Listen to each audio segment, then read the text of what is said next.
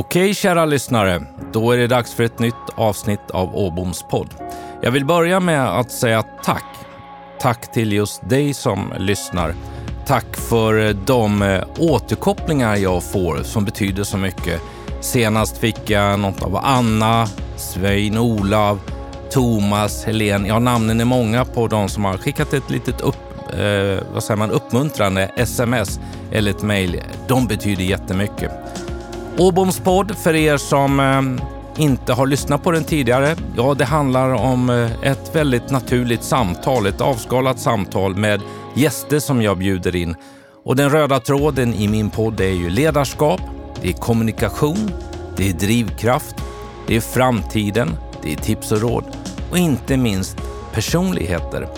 Det här brinner jag för och det är en viktig del i mitt sätt att vara bolagsledare. Och på tal om personligheter så vill jag säga till er lyssnare att återigen i den här härliga poddstudion så framför mig sitter en trevlig, glad, skulle också kunna säga lite cool person. Dagens gäst är uppvuxen i något som heter Osbruk, Småland.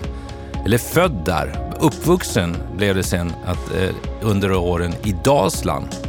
Gått på Vänersborgs gymnasium, pluggat på Karlstad universitet, Började sen karriären som en biträdande produktchef och trainee på företaget Littells. Produktchef på Stafford Miller och vad gör de? Ja, bland annat Bamse ba barntandkräm. Sen blev han profilansvarig och marknadschef för butiksprofilerna Tempo, Matnära, Scholis och Handlarn som idag finns inom koncernen Axfood. Därifrån tog han sig in på lite internet och techbolag som heter En trappa och Nethouse för att sedan ta pick och pack, lämna den kungliga huvudstaden för att landa i Skara. Där 2002 blev han marknadschef för företaget Jula. Efter ett antal år VD för Jula och idag är han inte bara VD utan han är koncernchef för hela Jula-koncernen.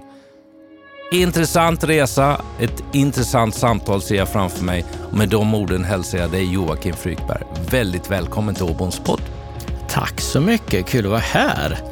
Fantastiskt trevligt ställe vi är dessutom på. Ja. Jag har gjort i ordning en jättefin liten studio som man inte tror att det kan vara så coolt när man står utanför. Nej. Riktigt hemtrevligt. Blir en skön inramning. Eller hur? Ja, och vi har fått vårt kaffe. Vi har fått vårt kaffe, ja. då klarar man mycket. Klarar man mycket. Och jag är, ska säga till er lyssnare, jätteglad över att få träffa Joakim igen. Eh, vi har nämligen jobbat ihop då eh, du var på Tempo, Vivo Matnära. Det var mitt första vd-jobb och då jobbade du på marknadsavdelningen. Ja, stämmer gott. Och sen är det 20 år sedan säkert som vi inte har setts. Vi Mer springer inte ner dörren hos varandra. Nej, vi springer inte ner dörren hos varandra. Jag är jättetacksam över att du har tackat ja och eh, vi ska bjuda våra lyssnare på ett spännande samtal tillsammans. Vi ska göra vårt bästa. Inledningen. Jag har berättat om din karriär, men kan du inte kort säga några ord själv om vem är Joakim Frykberg? Det är alltid en svår fråga och det är en sån här fråga som man kanske inte vill ha. Eh, men eh, ja, en väldigt vanlig enkel person, där du ser det du får. Eh, uppvuxen på lite olika ställen. Som du hörde, Osbruk liksom i Småland. Det är knappt någon som ens vet vart det ligger. Finns den kvar? Ja, det finns faktiskt kvar. Eh, nej, men det är kul. Jag har varit på lite olika ställen. Jag brukar kalla mig själv för nomad när man frågar var man kommer någonstans ifrån. Men har ändå liksom en hel del som rör sig runt Vänern. Och sen så har jag även gjort några år i eh, den kungliga huvudstaden. Då. Sportintresserad, gillar god mat och dryck. Eh, trivs väldigt mycket med att träffa folk och ut och resa och göra saker och ting som gör livet värt att leva. Man har bara ett och det gäller att ta hand om det på ett bra sätt. Helt rätt. Eh, till er lyssnare ska jag då, jag hade en fråga som jag tänkte så här ställa, så här, vad ni kanske inte visste om Joakim.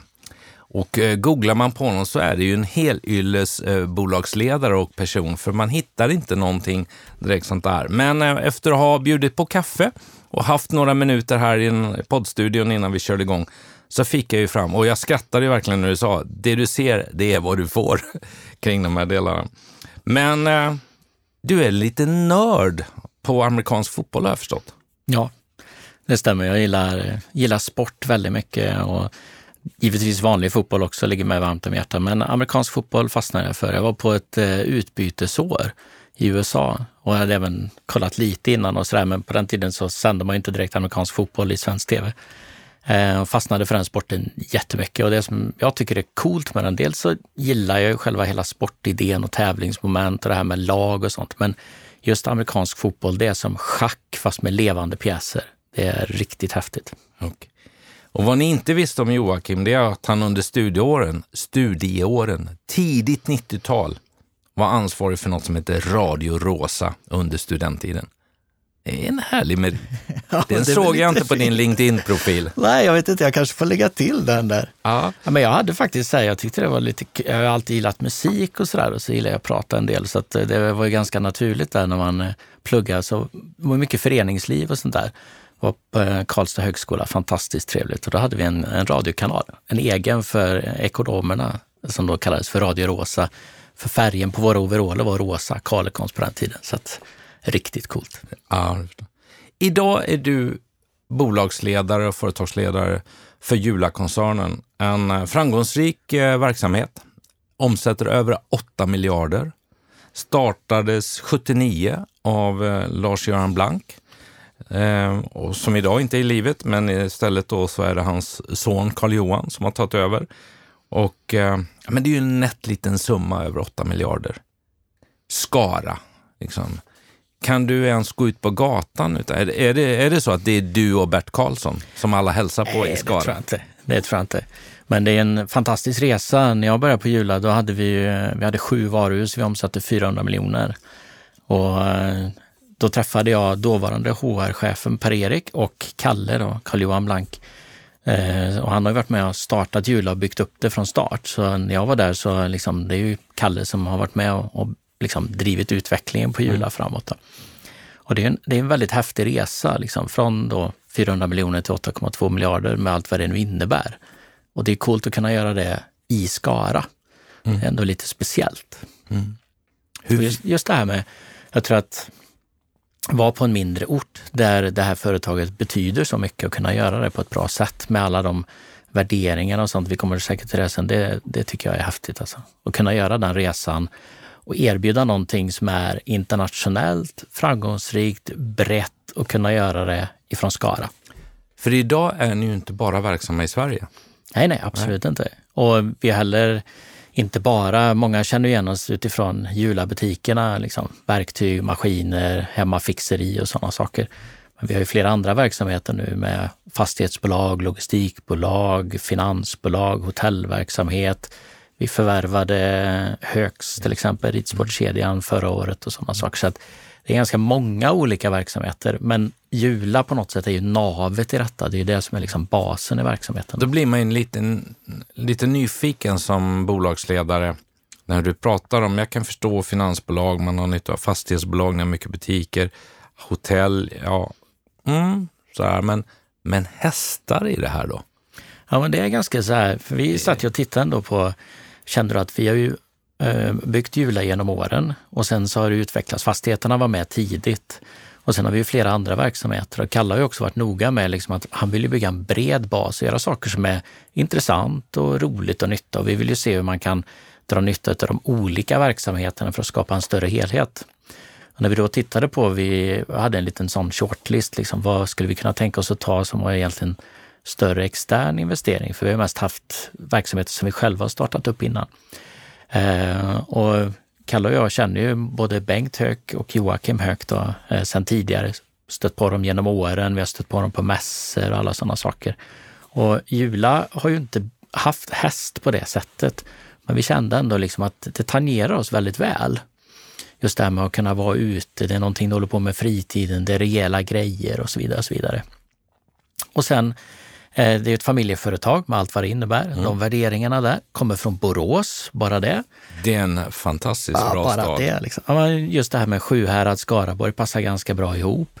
Det är en verksamhet som vi förstår, nyckeltal vi förstår och så vidare. Så, sådana saker är viktigt för oss. Och jag tror att det är väl en av de sakerna som, som är lite extra roligt, som jag tycker är extra roligt med att jobba just på Jula. Det är just det här att det är inte bara ettor och nollor utan det finns någonting annat Vi har en ägare som tänker liksom generationer framåt och verkligen bygger långsiktigt. Och att vissa saker, eller många saker, är viktigt att det sker på rätt sätt. Liksom. Mm. Kan man ge tillbaka till bygden och sådana saker. Ja. Allt det där gör att det finns ett mervärde, tycker jag, i, i det vi håller på med. Och du har ju varit där länge, det ska vi komma tillbaka till, den resan. Och jag ska se om jag kan få dig att avslöja lite hur det är att jobba i ett familjeägt bolag och så vidare. Vi jag är lite se. partisk menar du? Ja, ja, lite så här. Joakim, eh, vi ska komma in och prata om ditt ledarskap, dina erfarenheter. Som sagt, jag, eh, nu, det skiljer inte så många år på oss, så att, eh, jag ska inte låta som att eh, någonting utifrån det. Men redan då, när vi jobbade ihop de åren vi jobbade ihop, så såg jag ju att det fanns ju en potential i, i den killen som var på den tiden då. Vad trevligt. Vi var ju hyfsat unga. Jag var 30, du var 26 eller någonting. Men, men eh, det fanns ju en potential och, och, du var ju på. Du var lojal, pigga ögon och du var kreativ. Den resan skulle jag vilja gärna, jag är ju nyfiken, eh, lite mer nyfiken kanske till och med lyssnarna eftersom jag såg dig då. Eh, och nu sitter vi här i en poddstudio som vi aldrig skulle liksom kunna ha tänkt att så kanske det blir. Men det är ju härligt. Livet är ju fullt av möjligheter. Livet är fullt av olika möten. Så är det ju. Och det är inte minst i affärslivet och på de här delarna. Eh, kring det. Men din resa, vad är det som driver dig då att eh, gå från de här jobben, du kommer, tar pick och pack, flyttar till Skara marknadschef och sen jobbar du på under många år. Du började 2002. På Jula, ja. På Jula. Jajamän. Nej, men jag har väl, dels har jag väl alltid, ända från det att jag var liten, varit intresserad av liksom att, att göra saker och alltid varit väldigt nyfiken. Det tror jag driver mycket, att prova saker liksom, och lära mig saker. Eh, jag har varit intresserad av också att skapa saker och engagera mig i någonting som, som jag tycker är viktigt och brinner för. Då. Eh, och även försökt att skaffa mig ganska tidigt en, en bred bas. Jag var ganska tidigt medveten om att jag till exempel gillar eh, USA. Eh, jag var tidigt medveten om att jag skulle vilja bo där eller plugga där, så gjorde jag det. Var också ganska eh, medveten om att jag ville plugga vidare liksom och skaffa någon form av utbildning och gärna inom någonting som var väldigt brett. Jag är ingen specialist, men jag kan ganska mycket om, om ganska mycket saker. Liksom. Och då kände jag att just det här att plugga ekonomi, det är ett ganska brett område. Och då blev det att jag, jag gillar att jobba med människor och gillar kommunikation och sådär. Så jag hade en inriktning på marknadsföring. Och jobbade ju då bland annat med det både på Littells, på Stafford Miller och sen på, mm. på Axfood. Men kände ju ändå att jag ville ha en, en bredare bas liksom, och lära mig andra saker som jag inte kan. Mm. Och det är också det som är jätteintressant med det vi håller på med nu. Även om fokuset är retail så håller vi ju på med, och jag har ju lärt mig jättemycket nu om, om fastigheter och finansfrågor och hotellverksamheter och sådana saker som då kanske inte är så nischade som, som man kan tänka sig. Då. Och det var ju också en av de sakerna som eh, var intressant när jag kom till Jula, var att jag hade ju bakgrunden både ifrån det här med att, att driva varuhus och den delen, liksom snabbrörliga konsumtionsvaror, men även ifrån IT-sidan. Så jag hade ju både IT-ansvaret och marknad. Och IT och marknad är ju inte alltid att det är liksom en, en kombo som går ihop. Nej. Men jag tycker sådana saker är, är, roligt och det driver ju liksom. Och så just det här att både Kalle och Per-Erik vid det tillfället, de sa liksom, vi har någonting stort på gång, liksom, det kan bli bra. Och jag, hade ju, jag träffade ju Inger redan när jag var 21, så jag hade ju varit nere i Skara, kände till Jula och sådär. Då var det ju inte en en Det är frun vi pratar om. Det är min fru, ja. Mm. Eh, då var ju inte Jula en riksföreteelse på det sättet. Men jag kände ju till bolaget och sådär och vad de sålde och sådär. Tänkte att det här kan ju faktiskt bli någonting spännande liksom. och som man då förhoppningsvis skulle kunna bidra till. Det. Och sen gillar jag verkligen just där att vara med och kunna påverka och ta ett stort ansvar. Mm. Och det är väl någonting som, som kännetecknar det bolaget som jag har hamnat på då, på Jula har gjort genom, och det är väl därför man har varit kvar i alla de här åren, är ju just det att vi försöker verkligen så här, om man tar ansvar, visar framfötterna, vill göra saker, så finns det stora möjligheter att göra otroligt mycket utvecklande saker både för bolaget och sig själv. Mm. Och har man då lite ambition och driv på det så... Så då kan det ena ge det andra där? Ja. vad skulle du säga är att, för det är ju en, att gå då från 400 miljoner till 8,2 miljarder, det innebär att det är några medarbetare fler än när du började. kan man ju säga. Ja, hur många är ni idag? Vi är ju, Ungefär. totalt sett i koncernen så är det ungefär 3 500. 3 500. Mm. Och då tar jag dig in på kultur, företagskulturen. Uh, jag har ju spelat in en podd och haft en gäst här med Stefan Sjöstrand, som jag vet att du vet vem det är, som då nu är på Skistar, men som hamnade ju då osökt in på Ikea och 13 år med kulturen utifrån från Kamprad. Hur skulle du beskriva kulturen är och har förändrats inom Jula ifrån på den här omsättningsresan då som innebär en stor andel nya kollegor och medarbetare? Men det där är jätteintressant, för det är en av de sakerna som vi jobbar jättemycket med. Och eh, på något sätt när man är ett mindre företag, då sitter ju på något sätt kulturen i väggarna. Det är fåtal människor, man kan jobba nära och framförallt om man, som i det här fallet, då ett, ett privatägt bolag, så jobbar man ju väldigt nära ägarna och det är liksom inte så svårt att veta vad ägarna vill och vad ledningen vill och så vidare. Men i takt med att företaget växer så behöver man hitta andra sätt så att företaget kan utvecklas så att även om du sitter som en, en säljare i Tromsö eller vad det nu är så ska du kunna förstå vart någonstans vi vill ta vägen. Det är klart det, och vi vill ju också behålla familjeföretagskänslan även när företaget växer. kan man göra det när det är 3 500? Den, är ju svårare. Men det som vi identifierade var ju någonstans, vi hade ju egentligen någonstans vid 2010 där, eh, det hade ändå gått några år, då eh, gjorde vi ett arbete för att försöka sätta ner lite mer på pränt. Vad är liksom julaandan? Vad finns det för ord man kan sätta på det här? Och det vi vill beskriva någonstans, det är ju egentligen det företaget som, som Kalle och Lars-Göran skapade då någonstans. Vad är viktigt för oss? Och så försökte vi hitta det så att det inte blev ord på papper. För det tror jag, många kan ju säkert skapa sådana här olika former eh, av dokument eller affärsplaner eller vad vi nu ska kalla det. Men att få ner de här viktiga värderingarna, det la vi verkligen tid på och jobbade igenom. Men vi kände ändå någonstans att vi inte riktigt fick den fulla utväxlingen som vi hade önskat. Då. Så vi satte oss och, och delvis gjorde om det arbetet för några år sedan. Och då hade vi framförallt ledningen, vi hade ägarna med. Och det var inte så att vi skrev om, utan det var mer att vi formulerade kanske om då, var tydligare med vissa saker och sådär. Det känner jag ändå att det, det formade vi bra. Det det bygger mycket på, det är ju just det här, vi pratar om Skara, men just det här med Skara, Skaraborg. Mm. Jag tror att det är viktigt det här med arbetsamt, liksom, strävsamt, gör rätt för sig själv, att man är engagerad i det man håller på med. Man är lite om sig och kring sig. Liksom. Det är viktigt för oss. Man tar det här extra samtalet, man tar den här extra förhandlingen. Man är noga med liksom, att, att det finns pengar på banken och vi är noga med liksom, att göra rätt för oss själva och se till att vi har liksom, torrt på fötterna på det vi gör. Och att vi är pålitliga och ärliga. Liksom. Kunderna ska kunna lita på oss, då. inte bara kunderna utan även leverantörer och medarbetare. Allt det, där. Det, var ett jättebra arbete som, som vi gjorde och som vi även engagerade all vår personal. Mm. Så efter att vi hade summerat om det där och skrivit om det där, då la vi ner över 3000 timmar, eller 30 000 timmar på liksom att och verkligen jobba in det i organisationen. 30 000? Oj! På riktigt. På riktigt. Och det är det som är grejen. Och det är det som jag tycker är så oerhört kul.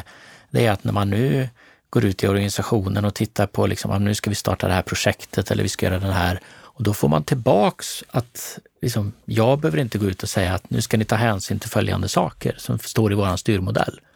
Utan då kommer det ifrån organisationen som säger att men det här och det här står i vår styrmodell. Därför paketerar vi lösningen på det här sättet. Hur mycket är du ute i verksamheten? Vi försöker ju vara ute jättemycket, eh, både jag och Kalle. Mm. och eftersom vi har varuhus både i Sverige, Norge och Polen så jag och Kalle försöker se till att vi alltid besöker, så att varje varuhus ska få besök minst vartannat år. det är klart, nu har vi ju 102 varuhus. Så det blir ju några att besöka. Mm. Så vi försöker göra lite resor både i Sverige, Norge och Polen ihop med landschefen och så försöker vi besöka varuhusen. Men sen blir det ju mycket resor ändå för att man är intresserad och försöker ut och träffa varuhus i organisationerna.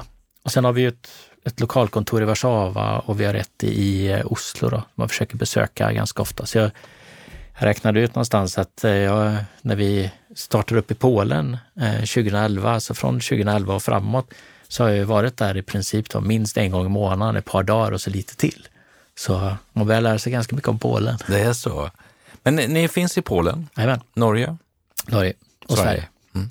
Okej. Och jag, jag hittade, ett, eh, på tal om Polen, eh, så när ni öppnade ert hundrade mm, varuhus eller butik då i polska. Bydgoszcz, Yes. då hittade jag ett citat. Jula öppnar sin hundrade butik. Veden kan bli handelns mäktigaste. Ja, det var ju vänligt. Ja, känner du dig sån? Nej. Nej. Jag har det Eh, framför mig här så du ser klippet jag hittade in till. Ja, det, det är ju tjusigt. Ja. Nej, men det, jag, jag hoppas att det är ett, eh, liksom, vi, vi hoppas ju att vi gör bra saker.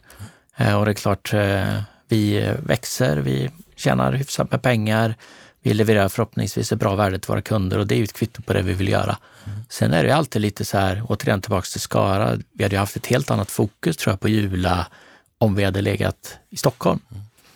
Ta en sån kille som, som Carl-Johan Blank till exempel, som är Julas grundare och ägare. Liksom. Han äger ju 100 procent av, av Jula Holding och koncernen. Han är ju i min värld i nivå med liksom Persson och Kamprad och company. Men får ju inte samma ja, attention och ja. exponering. Liksom. Och har heller inte valt det. Det ju, ska man ju ha med sig också. Då. Okej, lyssnare, nu ska vi se här. Om, om bra. Hur är det att jobba som högsta operativ anställd chef i en koncern med också en närvarande huvudägare eller ensamägare, alltså som äger verksamheten? Ska vi se om vi kan få Joakim att berätta. Hur Ja, men det finns ju för och nackdelar. Jag tror mycket handlar om, och överlag tror jag mycket handlar om vilket förhållningssätt man väljer. Liksom. Eh, och mitt, jag tittar ju på mitt uppdrag. Mitt uppdrag som jag ser det egentligen är ju att försöka skapa, ja, dels då Jula AB, men nu Jula Holding-koncernen utifrån det som jag uppfattar är Kalles vision att bolaget ska ta vägen. Liksom. Eh, och fördelen då som finns är att då har vi ju en person. Då behöver vi bara göra Kalle nöjd, i princip. ja. Ja, det finns ju inte en mängd olika viljor eller flera olika ägare med olika, eh, olika intressen eller sådana saker, utan det handlar ju någonstans var någonstans vill kalla att det här bolaget eller bolagen ska ta vägen. Och det försöker jag ju leverera. Får ju alltid eh, svar. Eh, har ju en möjlighet, liksom. han sitter två rum bort. Och är otroligt engagerad. Eh, och har ju valt också tidigt med det här med förhållningssättet att vara engagerad. Så om man nu det blir en del sportsreferenser, men Kalle har ju liksom en fri roll på mittfältet. Det han tycker är intressant, det kan han ju, han har möjligheten att grotta sig in i. Då. Så tanken att jag ska försöka ta hand om helheten och se till att leverera det. Är det alltid lika spännande då att komma på måndag för man vet inte vad han har funderat på över helgen som bolagsledare? Det behöver inte bara vara måndagar, Nej, det är så. Har ni kontakt i princip varje dag? i princip. I princip. Och det som är, men det som är roligt, eh, eller det finns ju många saker som är roligt, men det som är roligt är ju också att jag är ju intresserad, jag tror att det är en bra match. Liksom, för han är intresserad av väldigt många olika saker. Jag är intresserad av väldigt många olika saker, så finns ett brett, liksom, det är inte bara retail, vi kan ju nörda in oss i det också. Men vi kan ju bli lika engagerade i hotellverksamhet som vi håller på att bygga upp, eller i fastigheter eller i andra saker. Liksom. Och det gör ju också att det här breda spektrat, om jag bara hade pysslat med en sak så tror jag att jag har blivit för rastlös för det. Om man börjar på Jula, och då tänker jag inte på kanske om man, man står i, i kassan i, på Jula varuhuset i Arninge och så vidare. Det kan vara en, en steg i eh, ja, karriären på något sätt man ska vidare. Men, men om man har fått någon form av, av middle management-roll och så vidare. Blir man kvar i Jula-koncernen då? Är det många Ja. som har varit länge? Många har varit länge. Men det tror jag också att det skulle ju kunna vara, det finns ju för och nackdelar med att personal är kvar länge. Men jag tror just det där med att vi har en tillväxt och vi, har, vi skapar nya bolag, nya avdelningar, vi växer. Det gör också att många som stannar kvar länge kan ju få andra roller. Eh, och jag säger inte att vi är där, men vi, vi jobbar mycket för att promota och se till att jag menar, du kan ju röra dig olika, åt olika håll. Om du vill göra en karriär på Jylland så kan det vara en specialistkarriär eller du kan göra ett större ansvar. Men du kan också göra det inom olika avdelningar. Så vi tar gärna in personal från varuhusen på huvudkontoret till exempel, inköpsavdelning eller annat, försöker få dem att växa. Centrallager, samma sak. Liksom. Där tror jag fortfarande vi har mycket kvar att göra, men just det där tror jag att bredden och möjligheten att göra saker, att vi kan växa, då är det inga problem med att ha personal som jobbar i 10, 20, 30 år. Liksom. Men man behöver ju samtidigt tillföra, och i takt med att vi växer så kan vi tillföra samtidigt som vi har kvar de som har varit med länge. Den kombon där är jätteviktig. Vi har pratat då inledningsvis i podden om kulturen som ni eh, har haft med er från början, bygger den eh, kring det här. Jag har också förstått, eh, eftersom koncernen gör den resa man gör från Skara till eh, Polen, Norge, från eh, omsättningen, ökningen, förvärv i andra branscher. Men om vi, om vi släpper det nu och så går vi in på Joakim Frykberg. Vad är grunden i ditt ledarskap? för att ha lycka. För det är ju ett ledarskap, alltså vi pratar affärsmannaskap absolut, men du har ju också ett ledarskap i, i dig själv och i den resa du gjort. Hur skulle du beskriva ditt ledarskap? Men jag tror att jag försöker ju ofta föregå med, liksom vara en god ambassadör och föregå med gott exempel. Liksom. Och verkligen eh, leda på det sättet. Eh, jag lämnar också en stor tillit till de som jobbar med mig eller tillsammans med mig. Vilket jag tror också är viktigt och försöker coacha och bygger mycket på det här att försöka bygga laget och få ihop det på ett bra sätt och se, för det behövs olika former av kompetenser på samma sätt som när man bygger ett lag. Eh, elva Zlatan så kommer man inte att, att vinna Champions League för det. Liksom. Utan hitta det, hitta det här laget, sätta ihop det på ett bra sätt och skapa rätt förutsättningar för att få organisationen att nå de målen då, som vi har satt upp. Det, det tycker jag är spännande. Liksom, att titta, inte bara här vi är idag, utan även lite framåt. Men sen tror jag också kombinationen av att försöka vara närvarande i nuet och här och även framåt och skapa en trygghet i liksom att det är dit vi ska. Liksom. Och här någonstans vill vi följa med på den resan. Det, det tror jag är viktigt. Trygghet i att det finns en resa. Ja, och sen på något sätt så är det för oss är ju själva resan, det är lite klyschigt resan i målet och sådär, men, men vi har mycket att vi har ju ungefär en riktning åt det här hållet ska vi liksom. Och där vill man ju då skapa en trygghet i vad är det nu vi ska uppnå och på vilket sätt liksom för att komma dit. Då. Där har vi en, alla chefer en stor roll att fylla. Vad möter du för utmaningar i ledarskapet idag? Men vi har ju, dels är det ju, vi har ju en utmaning givetvis i, i vår, ja, vart vi ligger i Skara. Eh, att vi ser att vi, hur ska vi möta den framtiden som finns nu då? Den är ju intressant. Vi har ju ett företag som har, har gått bra länge. Eh, och det finns ju också en risk. Vi vill ju väldigt gärna, jag vill ju väldigt gärna att vi är på tå. Liksom. Att vi hela tiden ser till att vi inte är nöjda mm. och att det blir någonting positivt. Man kan ju gå runt och inte vara nöjd, men på något sätt så vill vi ju skapa en positiv kraft framåt. Om man aldrig är nöjd, då är risken att man sätter ett ok liksom, på medarbetarna istället. Utan det här ska ju vara en positiv förändring. Och där har vi jobbat väldigt mycket med att försöka hitta liksom, vad är det nu som gör att vi får en rörelse framåt? Varför, hur ska vi få 3 500 personer att tycka att det här är lika kul som, som jag tycker eller lika kul som Kalle tycker? Liksom att brinna för detta på ett positivt sätt. Och det tror jag är viktigt att ta med sig. Eh, för, för de delarna, då får vi, tror jag, laget att prestera på ett mycket bättre sätt. Och det är ju en utmaning hela tiden att se till att man gör det.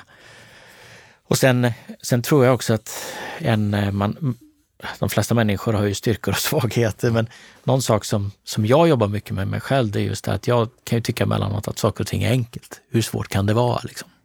Mm. Och det jobbar jag mycket med mig själv, liksom, att se till att, ja, att man andas två gånger och så liksom försöker se saker och ting ur, ur, olika perspektiv för att förstå varför det som jag nu önskar ska ske inte sker.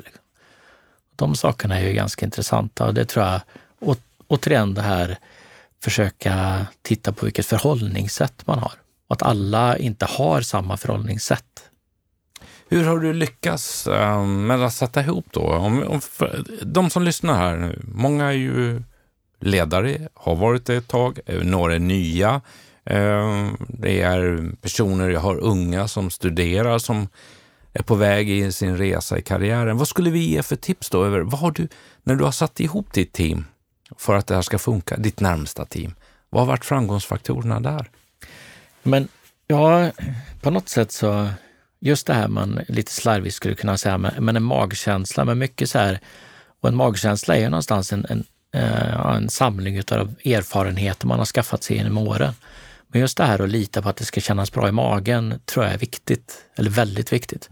Och sen eh, sätta ihop en samling människor, eller för mig är det viktigt, det behöver inte vara viktigt för dig eller för någon annan, men för att jag ska funka bra så behöver jag ha personer som jag, som jag gillar liksom, att umgås med. Det är inte som så att vi måste umgås på fritiden och sådär, men man ska ändå kunna tänka tanken liksom, att men, den här killen eller tjejen skulle jag vilja vet, gå ut och ta en öl med eller sitta och kolla på en fotbollsmatch eller vad som helst. Liksom. Så man har den här kemin eh, och tilliten tror jag är viktigt att kunna skapa den på ett bra sätt. Och sen också eh, inte, jag har inga problem alls med att folk kan mer än vad jag kan. Jag är bra på vissa saker och så får någon annan vara bra på andra saker. Och det tror jag är jätteviktigt. Jag tror det är farligt om man eh, bara har ja-sägare eller personer som man vet att man kan köra över eller domdera med eller driva i en viss riktning. Då får du liksom inte det här, om du inte tar tillvara på den kunskapen som finns i laget, då mm. kommer det inte att bli bra. Mm. Och just det här tror jag är viktigt att ta med sig, att man vågar då gå ut och sätta ihop det laget som faktiskt består av bra spelare med olika kunskaper. När du kommer hem på fredagen efter en arbetsvecka, vad, och du tittar tillbaka på den innan du liksom ska stänga av lite grann för att koppla av eh, med familjen. Vad är det då som eh, gör dig riktigt glad eller som gör dig riktigt nöjd? Men det är väl dels så, jag tror det finns ett antal sådana här checkpoints som man omedvetet går igenom. Liksom. Man vill, jag vill gärna känna att, jag, att vi, eller jag under veckan, har skapat någonting nytt. Eller någon, någon ny del eller nya förutsättningar för någonting. Eh, olika personer är olika, men jag har ju ändå en, en, en, plan för liksom vart jag vill att saker och ting ska utvecklas. Någonstans så går jag igenom den checkplanen och säger, har vi gjort detta eller detta och känner att vi är på rätt väg. Eh, en, så, en sån genomgång brukar jag ändå göra över helgen och då, det känns lite gott. Liksom. Och sen se, har vi lyckats göra någonting också som gör att, att våra kunder upplever att Jula, och det kan ju vara oavsett om det är Jula AB eller Högs eller någon annan, har vi gjort någonting som har, har kunnat ta oss ett steg längre på den resan som vi vill göra. Det tycker jag är lite läckert. Tre ord om dig själv som ledare. Eh, engagerad. Jag tror tillit eh, ligger högt upp. Eh, och sen en, en trygghet. Jag tror skapa den, eh, eller jag hoppas att man uppfattar det, eller de sakerna är viktigt för mig också. Jag har också reflekterat en del över, man reflekterar ju mer, eller jag upplever att man reflekterar mer när man blir äldre än man gjorde när man var yngre. Och det finns ju, vi pratade om det lite tidigare innan vi började här, det finns ju vissa beslut som man fattade för 20 år sedan som man förhoppningsvis inte fattar idag. Mm. Sen kommer vi säkert, både du och jag, fatta beslut idag som vi inte kommer att göra om tio år. Så är vi är tyvärr inte ofelbara. Nej, det, det, är sant. Men de delarna tror jag är viktigt. Så jag har ju mer också kanske i takt med att tiden har gått så har jag varit mer, eh, tror jag, intresserad av vad jag faktiskt vill åstadkomma och vad som är viktigt för mig i min bild av hur jag borde vara som både chef och ledare än den bilden som kanske fanns hur man borde vara innan. Det tror jag har varit en, en resa, så jag hoppas och tror att jag är en bättre chef och ledare idag än jag var för både fem och tio år sedan. Jag måste komma tillbaka och väva in lite på drivkrafter då. Uh, för när jag sitter och ser dig och ser, det ska jag säga till lyssnare, uh, det är en väldigt engagerad Joakim, det är pigga ögon uh, bakom glasögonen och det är händer som pratar mycket med händerna. pratar med händerna och bjuder på det här på ett härligt äkta sätt, det kan jag säga, när han berättar om de olika delarna. Men, men drivkraften då? För jag, jag inser ju att den här killen, personen, mannen, kommer att fortsätta sin yrkesresa eh, Eh, många år till. Och vad är då drivkrafterna som gör att du, du brinner för det du gör? För det tycker jag att man kan se. Och det hör jag ju också. Jo, men det är verkligen det att kunna, alltså, jag gillar ju, och det är därför jag tror också återigen tillbaks till varför det här med, med Jula har varit en bra match just det här att jag tycker det är många saker som är viktigt för mig som passar in med det som Jula tycker är viktigt. Liksom. Just det här med att, att bygga saker och skapa någonting som har värde över tid. Det tycker jag är, är roligt. Alltså skapa arbetstillfällen. Vi har ju en, en förmån nu över att ha 3500 personer anställda i koncernen. vi har ju skapat eh, någonting runt omkring Jula i Skara som inte hade funnits annars. Så det är klart, det är ju någonting kul att vara med och bygga upp det. Även bygga nya fastigheter, nya bolag, få testa nya saker, liksom. se kan vi använda den kunskapen och det man har lärt sig att skapa upp någonting nytt. Det är verkligen en drivkraft för mig. Liksom. Och se också utmana och se, klarar jag av det här eller klarar jag av nästa mm. grej och nästa grej och nästa grej? För jag, jag gillar inte riktigt att vara nöjd och liksom, man skulle kunna sitta och tycka att det här är skönt. Mm. Men det, det är inte riktigt jag. Det, jag det finns inte i din DNA riktigt. Nej, det är inte min Nej. grej. Liksom. Och, och då, om jag ringer din fru så säger hon, det stämmer. Ja, hon kommer att hålla med om att jag är lite rastlös. Okay. ja, Men jag tror det kan ju vara också, för det kan man ju fundera på, 18 år på Jula är en väldigt lång tid. Mm. Men det företaget som, som jag kom till och så, när man tar ser hur det har vuxit upp, så är det ju samma företag men ändå inte. Det är det. Jag tror inte att jag hade funnits på Jula om vi hade haft 10 varuhus som satt 400 miljoner 18 år senare. Liksom. Det hade inte varit min grej. Nej. Jag var faktiskt med på invigningen av Jula i Kungens Kurva. Du ser. Eh, du kommer kanske ihåg en, en, en Hans Mattsson som, eh, som jag efterträdde då och som sen gick till Jula ett tag och han bjöd in mig. Så jag har, då var jag där och fick jag träffa det och hälsade på grundaren. Det är ett starkt minne uh -huh. kring de här delarna. Jag tänker på utmaningen då. Du pratade ju om du hade inte stannat kvar. Då växlar jag över på att leda så många människor och då tänker jag på att nå ut, Joakim. Dessutom är det ju inte bara så att du kan åka runt. Eh, som du sa, vi försöker att besöka varje butik minst vartannat år. Ja, 3500 människor, alla de vet ju vem, vem Joakim Frykberg är. Kanske någon kommer att lyssna på den här podden också. Det vore ju trevligt. Ja, absolut. Det hoppas jag verkligen. Så att de eh, får höra även den, ytterligare förstärka den bilden av dig. Men hur når du ut i, i din koncern? Men jag tror en, en kombination är viktigt, att jobba mål, målmedvetet med detta. Och jag har ju, med den bakgrunden som jag har, så tycker jag ju att kommunikation är viktigt. Och även prioriterat de delarna. Och även jobbat ganska mycket med, för Tittar man på olika ansvarsområden så är det samma sak där. Det tror jag att jag kan bidra till exempel till några av våra dotterbolags vd eller mellanchefer, just det här med vikten av kommunikation. Liksom. Vi är, eller många företag och även vi har ju utmaningar ibland med att tänka, man kanske tänker kommunikation som marknadsföring, men det är inte riktigt samma sak. Och just det här med kommunikation är ju inte bara information heller, utan möjligheten att skapa olika former av grupper eller forum eller saker där man kan träffas och mötas. Det är de sakerna som jag tror är viktigt och ser över tid. Liksom. Eh, det jobbar jag mycket med. Så dels, vi har ju givetvis kommunikationer, vi har intranät och vi har en, en gammal fin klassisk tidning som du får som heter Blanketten. Visst är det fyndigt? Blank, Blank, blanketten. Är det sant? Ja, det är klockrent. Det skulle man ju gärna vilja få ett ex tillskickat som man får se efteråt. Ja, ja men sådana saker är ju, och den får ju alla. Liksom. Och just den här att försöka möta i olika medier tror jag är, är jätteviktigt. Och sen det här med, med synligheten och verkligen vara ute. Sen är det ju givetvis, vid vissa tidpunkter så är det ju svårt att man försöka så att man går en, en runda på kontoret även om man inte hinner. Liksom. Kan ta mm. telefonsamtal och gå samtidigt eller vad som helst. Liksom. Och sen också tror jag att det här att allting behöver ju inte ske genom mig mm. eller genom dig eller andra, utan man ja. kan ju se till att hur kan vi skapa förutsättningar för att resten av organisationen tar ansvar? Och hur skapar vi förutsättningar för att skapa forum för att folk ska kunna mötas mm. och sånt. Det tror jag är jätteviktigt. Vi har ju över 300 kontor i vår verksamhet. Och det är min utmaning. Vi, vi är inte 3 500 men vi, vi är snart närmare 1000.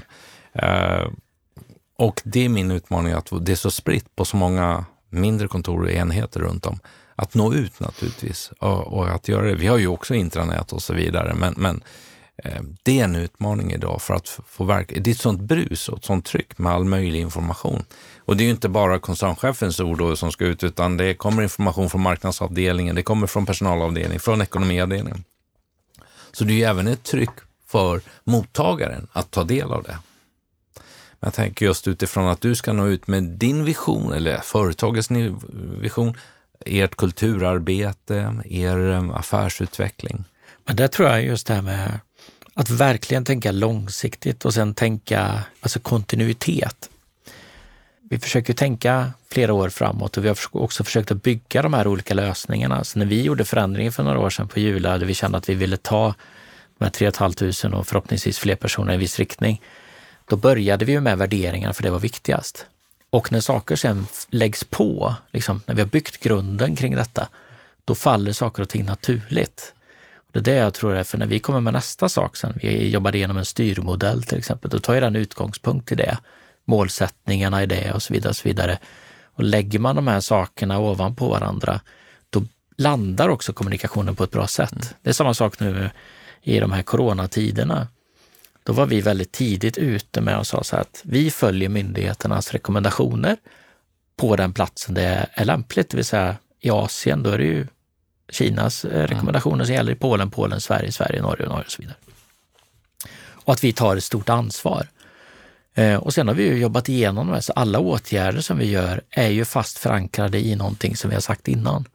Så det blir förhoppningsvis inte, nu har vi gått höger, nu ska vi gå vänster. Jag tror att de sakerna kan man försöka, kommer inte undvika dem helt, men kan man minimera det så man skapar en, en trygghet i det så är väldigt mycket vunnet. För då lyckas man hela tiden så att medarbetarna förstår vart vi är på väg och varför. Och vad vi, de kanske inte ens alltid håller med, men det är liksom inte det viktiga. Huvudsaken är att man förstår varför och kan acceptera det på vägen framåt. Liksom. Lägger du stor tid av din eh, arbetsvecka på kommunikation? Tänker du mycket kommunikation? Ja, det gör jag. Det är mycket och det är väl, det är väl där någonstans också som bygger en del av liksom vem jag är och, och de styrkorna som jag har. Då försöker också lägga mycket tid på att hinna med och du vet, prata med så mycket folk som möjligt och ringa och försöka även och framförallt viktigt nu när folk även sitter på distans, det här extra samtalet bara för att. Du behöver inte ha ett ärende, bara höra hur du mår. Liksom. Mår du bra? Jag finns här, kan jag hjälpa till med något? Är någonting du vill bolla? Liksom. De sakerna tror jag är jätteviktigt. Och även om, om agendan är fullpackad och sådär så vill man ju ändå försöka, eller jag vill i alla fall försöka vara tillgänglig eller låta dem förstå att även om kalendern är full så är man tillgänglig. Värderingar, Joakim. Företagskultur slash värderingar. Uh, hur viktigt är värderingar i ditt ledarskap och i rollen då som vd-koncernchef? Men för min del så är det ju viktigt. Och jag bygger ju mycket på var jag kommer ifrån och vad som var viktigt för mig. Liksom. Eh, och just de här sakerna som jag var inne på tidigare, att, att göra rätt för sig, liksom att ta ett ansvar, göra förhoppningsvis bra saker. Det, det är viktigt. Vi hade till exempel, eh, eller ja, min pappa dog när jag var hyfsat ung, jag var 12. Eh, så min mamma var ensamstående då och på den tiden var hon ju hemmafru. Mm. Så när pappa dog så stod hon med två barn, inget jobb och liksom hur ska jag reda ut den här situationen? Är man då 12 år gammal, då har man ju två val. Där kan man liksom hamna i någon form av lalaland och inte bry sig, eller också så får man bli vuxen tidigt. Mm. Och jag valde väl alternativ två. Då. Jag tror att de sakerna har jag haft med mig väldigt mycket framåt. Och sen också att saker och ting händer. Eh, liksom. Det kan hända tråkiga saker, det kan hända bra saker. Det är ju en del av livet och det är hur man tacklar dem sen som är det viktiga. Liksom. Och få med sig och ha en riktning. Men det är viktigt också tror jag att man, att man eh, tar en titt på sig själv och kan man stå för det man gör? Liksom. Och kan man det, då är det fine. Då kan jag gå vidare till nästa sak och nästa sak. Då. Det tror jag, eller för min del, är viktigt. Och så, det underlättar också i, i det sättet som jag vill vara och agera på. Kan du ge något bra tips till mig och oss som lyssnar kring värderingar att tänka på hur man kommunicerar eller? Jag tror att allt, allting skiner ju igenom, tror jag, utifrån äkta engagemang eller, eller vad du brinner för. Det är svårt att fejka saker, för, för det skiner igenom. Liksom, vad är det här till för? Och det tror jag är viktigt. Att man har, att man är tydlig också med, med varför man gör saker och ting och att man är tydlig för sig själv. Då tror jag att man, mår, att man når mycket längre. Och så får man ju också titta på, nu vill jag förmedla ett budskap eller jag vill göra en viss sak. Vad är det för utgångspunkt jag har själv i det beslutet? Kan jag rättfärdiga det för, för mig själv, ja eller inte? Så kommer mottagaren också att känna det på ett helt annat sätt. Och över tid, för det är det som jag tror är viktigt. Du kan ju fejka en gång eller två gånger, men förr eller senare så kommer det ju komma ikapp. Liksom. Och då tror jag också att en annan sak är, som är viktigt är att man ställs ju hela tiden inför ett antal val. Och tidigare så när jag var yngre, då kunde jag mer reflektera och, och lite så här, borde ha gjort så istället och så lägga tid på sådana saker. Det gör inte jag längre. Nej. Liksom. Jag kan aldrig ändra det som har varit. Jag kan bara ändra det som är framåt. Mm. Jag kan bara göra det. Och varför ska jag då lägga tid och energi på det som har varit, utan jobba framåt? Samma sak det här. Tid och energi på, på människor som inte ger energi. Varför väljer jag att göra det? Liksom?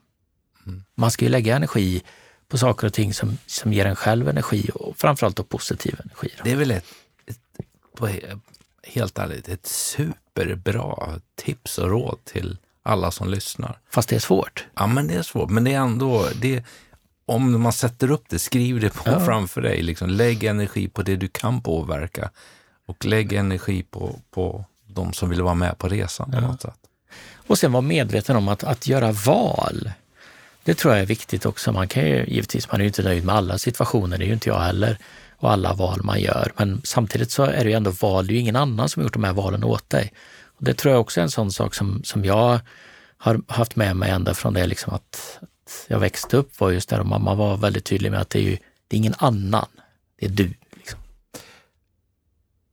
En fråga som är intressant eller att diskutera eller samtala kring eller ett ämne skulle man kunna tänka sig i karriären. Och då kommer jag ju att tänka på att det är ju många år du har varit under ett varumärke. Och någonting har du ju gjort Joakim som gör att du ägarna, ägaren tycker att ah, Joakim är riktigt Han kan vara kvar ett tag till. han kan vara kvar ett tag till, ja. Eh, och, och då tänker jag på vad din resa där. Du kom in som marknadschef och det, då jobbar du på ett sätt eh, kring det. Sen kliver du upp och blir vd för bolaget och, och sedermera också då koncernchef för helheten. Skillnaden, du kommer ifrån marknadsdelen, man säger, kommunikation, marknad. Eh, hur har den varit, den föränd- eller hur var den förändringsresan då? För helt plötsligt lades det ju, din, din, dina arbetsuppgifter blev ju mycket bredare, mycket mer yngre och helt plötsligt så blev du chef över några som hade varit kollegor med dig. Att komma ifrån den delen. Ja, den, är- den är ju speciell, men jag tror också att dels så, min ambition har ju inte varit att bara gå marknadssteget, så jag har ju varit tydlig med att jag vill göra fler saker och bredare saker. Så redan när jag kom in på Jula så var jag ansvarig dels för marknad, men även för katalogproduktion, för kundtjänst och för IT. Så det var ju ett lite bredare område där. Så där fanns ju en annan plattform. Och sen både Lars-Göran och Kalle har ju aldrig varit speciellt intresserade av att figurera liksom i media och ta den biten. Så jag var ju tydlig också PR-ansvarig, informationsansvarig. Vilket gjorde att jag skötte ju och har ju egentligen hela tiden då skött mycket av den biten när saker och ting ska presenteras eller när det ska hållas tal eller sådana saker. Då är det ju ända från det att jag började på Jula så var det jag som gjorde de sakerna. Så det blir också att det här steget kanske inte, eller i alla fall inte för mig, kändes lika stort.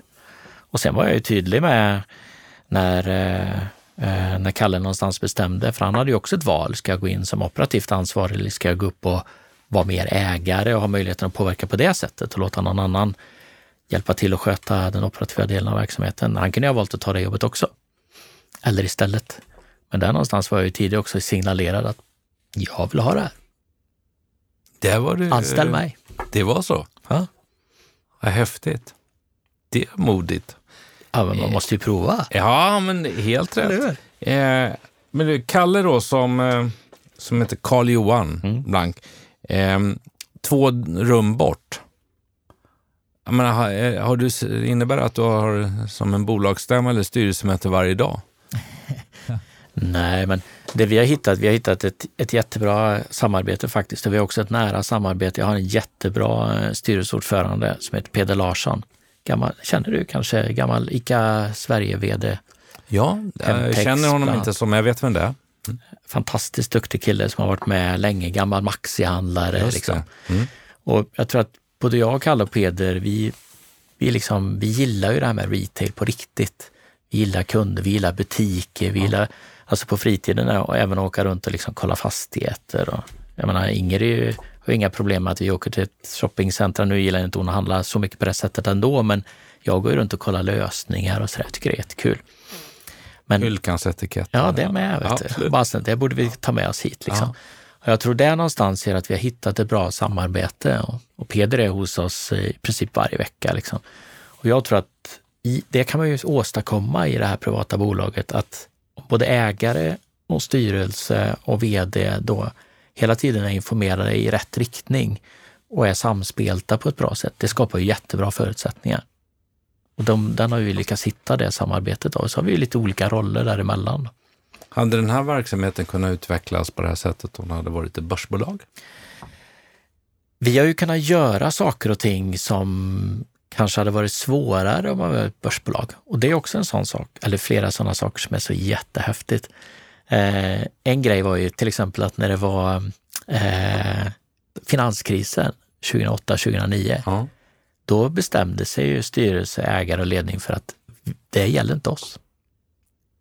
Så jag tror jag var den enda marknadschefen i hela Sverige som fick en högre marknadsbudget under finanskrisen än eh, innan. För då var det så här, vi satsar, vi har bra på fötterna, vi har investerat, vi fattar ett beslut att vi kör. Så vi tog oss an eh, fler lägen, vi ökade marknadsföringen och sådär. Så när alla andra bolag skulle växla upp där någonstans 2010, då hade vi fulla blås. Det var bland de bästa åren vi har haft. Och på samma sätt också, bolaget heter ju, ja, från början var det Jula Industri, vi tillverkade vedkapar, vedklyvar och sånt. Men det är Jula Postorder som man var känd för från början, postorderverksamhet. Katalogen. Katalogen. Liksom. Men eh, 2011 bestämde vi oss för att vi skulle sätta paus på e-handel. Då fick jag många samtal kan jag säga. Från massor med folk som undrade om vi var kompletta idioter allihop. Liksom. Men vi kände så att vi ville, vi ville göra så många saker och åstadkomma så mycket saker. Och den postorderverksamhet som vi hade då, den krävde väldigt mycket tid och energi. Vi behövde ändra mycket för att vi skulle hamna rätt och den genererade inte så mycket som vi önskade. Så vi satte paus. Vi sa inte att vi slutade, men vi satte paus. Och så gjorde vi paus och så startade vi upp den igen 2017 det, ett sådant beslut skulle ju vara mycket svårare att genomföra om du hade suttit som ett börsbolag. Ja. Därför att då, det blir en helt annan grej. Samma sätt, vi har byggt norra Europas största lager i Skara. Det är 150 000 kvadratmeter i en byggnad. Liksom. Och nu bygger vi ut den ytterligare 28 000. Är det sant? Ja. Wow. Det där skulle man vilja se någon gång. Du är alltid välkommen. Du har en stående inbjudan. Ja, tack. Det är häftigt. Ja, men så det, och det, det är samma sak där. Ska vi tillåta oss att investera så mycket pengar i ett centrallager i Skara? Det är inte säkert. Och Kalle har ju också varit noga med liksom att vi ska växa in i fastigheten. Vilket har gjort att vi har inte låtit vår logistik varit ett hinder för vår expansion, utan snarare tvärsom. Jag tror att den typen av beslut, alltså det, det typen av mod som krävs för att fatta sådana beslut, det tror jag vi har byggt upp över tid, liksom, att kunna göra de sakerna. Och det, är väl det, det hade varit mycket svårare att åstadkomma i ett börsbolag. Liksom. Vi kan ju ta ett dåligt kvartal därför att vi har en plan för att vi ska göra saker och ting som gör att det nästa kvartal och kvartalet därefter kommer att se bra ut. Jag har ju inte ett, en, en, familj då som äger den verksamheten jag driver. Jag har ju 1600 olika ägare i form av en kooperativ ägarmodell. Eh, men det är faktiskt lite grann som du säger, ett dåligt kvartal. Ja, alltså, när jag rekryterades, då sa dåvarande ordförande att eh, ja, vi har funnits i 70 år. Vi ska finnas i minst 70 år till. Det är din uppgift att tänka. Ja. Visst är det underbart? Det var fantastiskt. Jag måste säga att eh, Eh, jag har haft eh, fantastiska möjligheter. Jag har ju verkligen fått eh, rita kartan som bolagsledare i den utvecklingen vi har gjort nu. Då och tillsammans med mina närmsta ledare och så, och så har jag haft en väldigt tajt dialog med styrelsen. Vi har ju inte bara en då som, så att säga, som är kanske tongivande som är huvudägare, för det har vi inte, men vi har ju, vi har en styrelse då som är väldigt närvarande och det har varit fantastiskt och de, vi fortsätter. Det är som uh, förra året, ja du vet vi har ju familjejuridik och begravning och två olika verksamheter, men uh, när totalmarknaden går ner i Sverige som inte har hänt på 40 år, då kan då säger man, ja, vi, vi bromsar. Nej, Vår, vi gjorde vårt största investeringsår någonsin. Eh, köpte sex verksamheter under det året. Och det är klart, ja, ja, det är ju för att vi ska finnas i, ja nu fyller vi 75 i år, så nu ska vi finnas i minst 75 år till. Men det är en härlig känsla. Men det, och det är ju samma, jag menar, det är många som har läst till exempel Warren Buffetts böcker eller lyssnat på honom och sådana saker. Och han säger också vissa saker, just det här att när det uppstår möjligheter så ska man ju försöka ta dem. Men det är en sak att säga det, en annan sak att faktiskt våga göra det. Och det är det som är skillnaden tror jag också, att kunna fatta ett sådant beslut. Och då krävs det också att, och det är väl det som är, återigen tillbaka till det här med, med Kalle några rum bort, men jag menar, vi vill göra saker som givetvis är i linje, men om Kalle inte hade velat göra de här sakerna, då hade det ju inte gått. Nej. Och det krävs ju mod hela vägen för att genomföra sådana mm. saker. Men känner man det stödet och vet att man kan kasta ut på att fatta beslut som kanske känns oortodoxa, men ägaren står i ryggen och liksom det är lugnt. Liksom. Mm. Och det är klart, kan vi förmedla den känslan ut till hela organisationen, då blir det ju en kraft. Råd, Joakim. Vad kan, vi, vad, vad kan du skicka med från din gedigna eh, karriär eh, och det, där den har kommit idag? Jag ska ställa en fråga om du kommer att vara kvar om tio år, men jag kommer tillbaka till den. Men, men, men till de som lyssnar, oavsett ålder, oavsett eh, vad de utgår ifrån. Vad, vad, skulle du skicka med för en, två, tre tydliga råd till lyssnarna till Åboms podd? Men en, en sån sak är ju, jag har varit inne på det lite tidigare, men eh, alltså vara sig själv och bygga på de styrkorna som man tror att man har och förstå de svagheterna man har. Liksom, alltså vara sig själv. Jag tror man kommer längst på det. Och sen vad är det som, som driver alltså det krävs ändå lite tankeverksamhet. Vad är det som driver dig som person? Liksom? Vad är det du går igång på? Och inte vilka förväntningar som finns att, ifrån vad du tror att alla andra tycker att du ska gå igång på. Det tror jag är, är jätteviktigt att ha det med sig. Eh, och sen så tror jag också att eh, eh ett stort mått av ödmjukhet är viktigt. Och det handlar om ödmjukhet på många olika sätt, men jag försöker också reflektera över liksom det här att vi har haft en förmån av att det har gått bra i väldigt många år.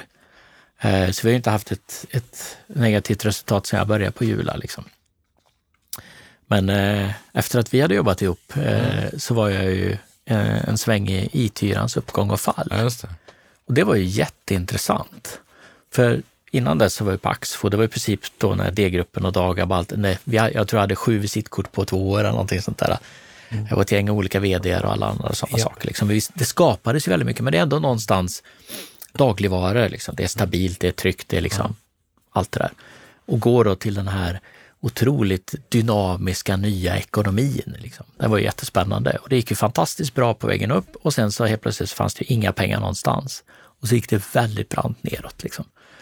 Det kom ju ändå hyfsat tidigt i, i min karriär. Men de sakerna har ändå fångat mig sedan dess. Liksom. Jag återkommer lite grann till den här känslan av liksom, hur det känns när, när inga pengar kommer in, man behöver säga upp folk och du vet, folk gråter ja. och alla de här sakerna. Liksom. Det, det har ju många som jobbar på Jula aldrig upplevt. Liksom. Just det här att jaga, jaga pengar och veta så här, har du något jobb eller har ens de här personerna som du har ett ansvar för och deras familjer, har de något jobb? Liksom? Bara en sån sak är ju otroligt. Då, jag tror att det är bra att vara ödmjuk över liksom det faktum hur det ser ut, hur ser man på det och även det här att de människorna man träffar, liksom, att man behandlar dem på ett, på ett bra sätt och, och liksom inte försöker vara besserwisser eller sådana saker. Jag hoppas att man inte uppfattas så. Men finns det en risk? Och jag ska ta tillbaka i tiden en bild. Eh, det var när min, eh, jag kommer inte ihåg om det var min son eller dotter som sa, när min minns här, ah, kan vi köpa det? Eh, nej, alltså, om, om det var glass eller om det var någon leksak, det kommer jag inte ihåg. Men och sa nej, det har pappa inte råd med. För vi skulle inte fokusera på det just nu och tänkte det var ett enkelt svar. Och sa men du kan ju gå till den där i väggen och hämta ut. alltså bankomaten. För det, det fanns inte, liksom, de hade ingen aning om att, att ja, men de pengarna som jag hämtade ut där, de hade jag ju själv fått jobba in så att säga, i kontot, så att säga var det. Eh, och det blev så tydligt liksom hur de liksom inte innan, alltså, säg att de var sju, åtta år, då. Men eh, finns det en risk i, som du säger, inte ett, ett negativt resultat ni har tagit hand om medarbetarna och familjen? Finns det också en risk i en sån kultur att det blir lite fett and happy, man blir lite bekväm och så? Det ordnar ju sig alltid. Det var precis det som jag var inne på lite tidigare också. Jag försöker, och det, och det försöker både jag och Kalle och även ledningen nu jobba med mycket och se till att vi inte hamnar där. För risken är att det blir så. Liksom. På något sätt så blir det så att det, det ordnar sig, liksom, för det har ju alltid tickat in de här pengarna på sista raden. Och just det här, det är därför det är ett, hela tiden ett jobb och ett nötande. Och det är därför man inte kan slappna av där, utan man måste ju på den frågan hela, hela, hela, hela tiden. Mm. Och det är klart, det är samma sak. Dynastier, dynastier kommer ju och går. Liksom. Det är klart, någonstans att ta sig till toppen, då har man ju, och nu säger jag inte att vi är på toppen, det är inte det jag försöker säga, men vi har i alla fall en strävan att göra bra saker. Men när man kommer till en viss nivå och en platå, då är det jättelätt att stanna till där och känna sig lite, lite gött och nöjd. Liksom. Mm. Och det här är en strävan att hela tiden, ja, men vad är nästa grej då? Vad är nästa? Eh, och bygga det över tid. Jag tror det är jätteviktigt att inte fastna där, för det, det är så enkelt för de flesta, det är ju jag också, man är ju lite bekväm av naturen. Liksom. Om tio år, nu kommer frågan. Är Joakim Frykberg då fortfarande koncernchef för Jula-koncernen? Alltså man vet ju inte vad som händer om tio år. Tio år är en väldigt lång tid. Mm. Ja, men det beror ju på hur företaget utvecklats, om, om ägaren är nöjd och om jag tycker det är utvecklande och, och vad vi gör framåt. Men eh, det är ju otroligt spännande och vi gör väldigt många intressanta saker. Och det finns ju otroliga utvecklingsmöjligheter fortfarande. Vi är ju absolut inte nöjda med så som det ser ut idag. Liksom. Vi vill ju förbättra samtliga våra verksamheter. Det finns ju alltid saker att göra och det är det som är det roliga. Liksom. Joakim, eh, hur laddar du då batterierna? Måste, alltså det är en sån här man brukar fråga, men jag vet att du, och jag är så tacksam att du har kunnat sätta av den här stunden. Eh, vi är inte i Skara, vi är i en poddstudio i Stockholm. Du kommer hit, du är avslappnad, närvarande. Men du jobbar många timmar, du reser. Normal, ja, nu har det varit lite speciellt under våren, men annars reser du i olika länder. Hur återhämtar du? Hur laddar du din kropp och energi så att säga? Men jag en av de sakerna som, som jag har haft med länge, men som, som jag är ganska bra på, det är att, att hantera olika saker liksom i, man kan säga lägga dem i lådor. Jag kan ta en sak, lägga den i en låda, stänga den lådan och inte lägga ner tid och energi på det. Liksom. Och det tror jag har varit ganska bra. Jag kan ligga, alltså saker och ting ligger i bakhuvudet, men jag behöver inte ha det framme och tänka på det hela tiden. Jag har inga problem med att ta stunder, liksom att ja, dels älskar att lyssna på musik. Så Spotify, hade Spotify funnits när jag var ung så hade jag ju sparat hur mycket pengar som helst kan man ju lugnt säga. Skivsamlingen var ju ganska diger och sådär, så det, det får jag verkligen kraft och energi utav. Eh, alltså, umgås med familjen tycker jag är jättenice. Käka god mat med några polare eller dricka whisky någonstans eller lite sådana saker. Sport, titta på sport eller sådana saker försöker eh, nu också tillbringa en hel del tid med, liksom, med min fru och ut och köra promenader och ta den tiden. Hon har också ett, ett ganska ansvarsfullt jobb liksom, och det är ganska bra sånt att kunna varva ner på det sättet. Är hon i Jula-koncernen? Nej, Nej, det är hon inte. Jag har också varit noga med att jag vill inte ha till exempel eh, barnen hans har inte fått sommarjobba på Jula och frun ska inte vara med, ingenting sånt. Jag, det, jag har valt att ha det så i alla fall. Ja, okay. Men eh, just de sakerna, att ta ta de här tillfällena liksom, och göra det. Det tycker jag. Älskar att, att köra bil. Tänker fantastiskt bra om man kör bil. Så jag har inga problem att ta en bilresa på x antal timmar. Liksom. Det är kanon. Det, det snurrar och det är man det. Ja, det är ju helt underbart. Du får syre i... Ja, ja, verkligen. Och så ta de här stunderna som man behöver. Och jag kan tycka att bara en sån här grej är en, en injektion. Mm. Alltså jag tyckte det var jättekul att få komma hit liksom när du hörde av dig och tyckte att det här kan ju vara lite spännande. Ja. Sånt här kan man ju se fram emot. Det är ju lite energigivande liksom.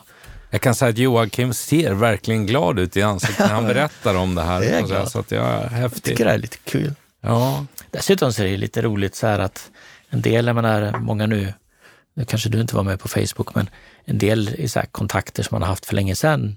Människor går ju in och ut i varandras liv, men ja. det är ändå trevligt och jag menar, vi har ju inte träffats på liksom hur många år som helst. Nej. fortfarande så, så det är liksom trevligt ja. att, att, få en möjlighet att liksom ändå reconnect på något sätt. Ja, men så Jag har några därifrån och jag har en eh, Jonas som jag ska nu, vi har sagt att vi ska boka in och, och ta en säker covid-lunch här innan ja, sommaren, direkt efter midsommar. Ja, men det, som var med på den tiden. Äh, Borga. Äh, otroligt roligt ja. att få göra det. Ja, vi kan säga vi har ju två meter avstånd ja, på det här bordet absolut, också. Det är en, även om det är en tight studio så är det en covid-studio på det sättet. Och det ska man ha respekt för i dessa tider. Eh, och så ska vi vara tacksamma för att vi mm, får ses och eh, vara friska. Joakim, en timme går fort. Vi har kört lite drygt en timme nu. Eh, och inspirerande. När jag ser dig och din resa så tänker jag vad häftigt att komma in i ett bolag som omsatte 400 miljoner någonstans där runt 2002 och idag var över 8,2 miljarder och jag vet att året har börjat bra för er också, det förstod jag. Du gjorde en, en Karriären började med eh, ansvarig för Radio Rosa till den resan, Joakim. Jag fick det med fint. Eh, på ett bra sätt och till det är idag. Du är eh, en bred person, tänker brett, som du sa. Inte specialisten, då kanske i alla frågor, men du är väldigt bred. Kulturen för dig, eh, och tycker jag är intressant att få ta del av det här med julandan, ehm, familjeföretagskänslan som finns. Att ehm, det som finns i Skaraborg, och jag har ju min släkt, jag kommer ju därifrån, mina föräldrar är ju födda i Tidaholm och Falköping, de trakterna. Så jag förstår vad du menar. Eh, att leda 3500 medarbetare, lägga ner över 30 000 timmar på ett värderingsarbete, en kulturresa. Där ger jag ju tummen upp till dig och, och din ägare och eller styrelse. Måste säga imponerande, fantastiskt. Ledarskap, tipsen du gav, var en god ambassadör. Hur du är. Eh, att jobba med tillit, att coacha, att se till att bygga laget och att ha, vara var tydlig så att du har en trygghet i resan ni ska göra. Så att alla förstår vad, vad man har klivit med på kring de här. Sen har jag gjort en liten extra notering, det här med aldrig vara nöjd. För jag har ju någon gammal medarbetare som brukar påminna mig om och sa att om du är aldrig nöjd. Jo men väldigt kort. Men vad du vänder dig aldrig nöjd kan vara negativt. Du sa istället, vänd den till att signalera om en nyfikenhet och få organisationen att vara på tå. Det är en skillnad i tonaliteten som är tydlig. Och det, det är nog det som avgör många mörra, att verkligen Idag så är det ju inte, jag har en, jag brukar visa min koncernledning, jag har några sådana här bevingade uttryck jag samlar på. Så att, och den ena är att idag är det inte de stora fiskarna som äter de små, utan det är de snabba fiskarna som äter de långsamma. Jag tror att det är så idag. Med det tempot vi har i samhället, med den utvecklingen vi kan med digitalisering, all tillgängligheten, så handlar det om att få en verksamhet att vara på tå. För om inte verksamheten är det, då kommer någon annan att vara det kring det här. Hur svårt kan det vara? skulle ju faktiskt kunna vara någon i min närhet som har sagt det även om mig, Joakim. Eh, jag tycker också det är så enkelt. Hur svårt kan det vara? Kör eh, kring det. Personer som jag gillar vill du ha med dig? Ja, det är väl det. Man behöver inte ogilla, men personer som man gillar är ju viktigt att ha. De ger ju dig energi eh, kring de här delarna. Noterade också det här med att skapa värde över tid. Både du och jag med den ägarstrukturen vi har kan ju verkligen agera utifrån det och det är häftigt. Eh, och det gillar jag. Kring det. Så jag förstår verkligen att ni har med det här i er. Och sen när det gäller värderingar, tycker du, när, när du pratar om värderingar, du gör det väldigt enkelt. Eh, på något sätt. Det sitter i din ryggrad, det sitter i magen, det sitter i ditt DNA. Hur det här ska vara, du väver ihop det med din kultur. Eh, och tre tydliga tips. Vara sig själv. Och för att kunna vara det så la jag till och skrev, ja men det är en bra självinsikt. Och att få, kunna ta del av feedback man får tillbaka så man verkligen förstår vilken, vem är jag i de här delarna. Vad är det som driver dig? Vad är det som inte driver dig? kan man säga, ja det är ju inte bra. Det måste ju vara en miljö som driver dig. Och ett stort mått av ödmjukhet. Bra. Eh, det kan jag säga till er att Jag eh, ska visa Joakim det här pappret. Det hade jag skrivit innan. Och här står det nämligen ordet ödmjuk. Det hade jag med mig. Min bild av dig Joakim, när jag har dels de samtal vi haft innan, men också det jag fick träffa dig för 22, 23, 24 år sedan. Så jag, säga, jag tror att det är fortfarande, trots att han har gjort den här resan och är, leder ett stor koncern idag, så har jag en känsla av att Joakim är ödmjuk. Och sen har jag skrivit ordet lugn. Lugn som ledare, vilket skapar en trygghet. Det är min bild av det och det var ju häftigt att göra det. Vad, vad bra då, vad glad ja. jag blir. Ja, kring det här. Vad är det sista du vill skicka med uh, våra lyssnare från dagens samtal innan jag ska ställa frågan som du vet som du har fått förbereda dig på? Jag tror att just det här med, med engagemang och göra, alltså göra roliga saker eh, och göra det för att, för att du mår bra men även för att andra ska må bra tror jag är viktigt. Så att, att man verkligen gör och tackar ja, till, som det här till exempel. Mm. Jag har inte, även om jag tatt, eh, haft Radio Rosa så har jag inte poddat tidigare, men prova att göra det kul, liksom, prova nya saker. Men gör det också med en respekt för andra tror jag är, är viktigt att skicka med. Joakim, det har varit så roligt och, eh, att få se dig igen. Det har varit så intressant att få samtala med dig. Se vad de här åren har, har gett och hur du har utvecklats och vad du tänker och hur ni tänker i den fina framgångsrika verksamhet som du leder idag. Eh, jag är jätteglad, jag är ödmjukt tacksam för att du avsatte tiden och framförallt till mina lyssnare, alltså att få ha en eh, företagsledare på plats och få dela med sig är fantastiskt. Och det är det den här bygger på. Eh, mitt genuina intresse att bjuda in människor till intressanta samtal och få dela med mig. Och det är ju det livet handlar om. Var generös och var lite ödmjukt omtänksam. Det är grunden i Åboms podcast. Här. Joakim, eh, stort lycka till med resan ja. framöver. Och eh, hälsa då eh, din huvudägare att han har gjort ett bra val som har satsat på det i alla dessa år. Ja, trevligt, han får ju lyssna på detta så han hör dig säga det.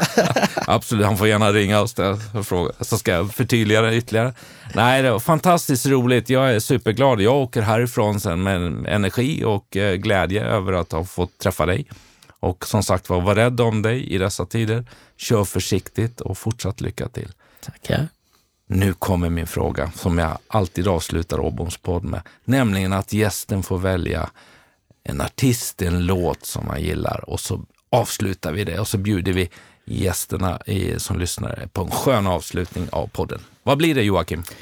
Jag har ju valt eh, artist mer än låten, men jag har valt Bruce Springsteen. Han är, eh, är viktig. Jag uppskattar hans, eh, hans artistskap, hur han utvecklar sig själv fortfarande. Fast han nu är över 70 år så kan han vara nyskapande och det hoppas jag att jag också ska kunna eftersträva.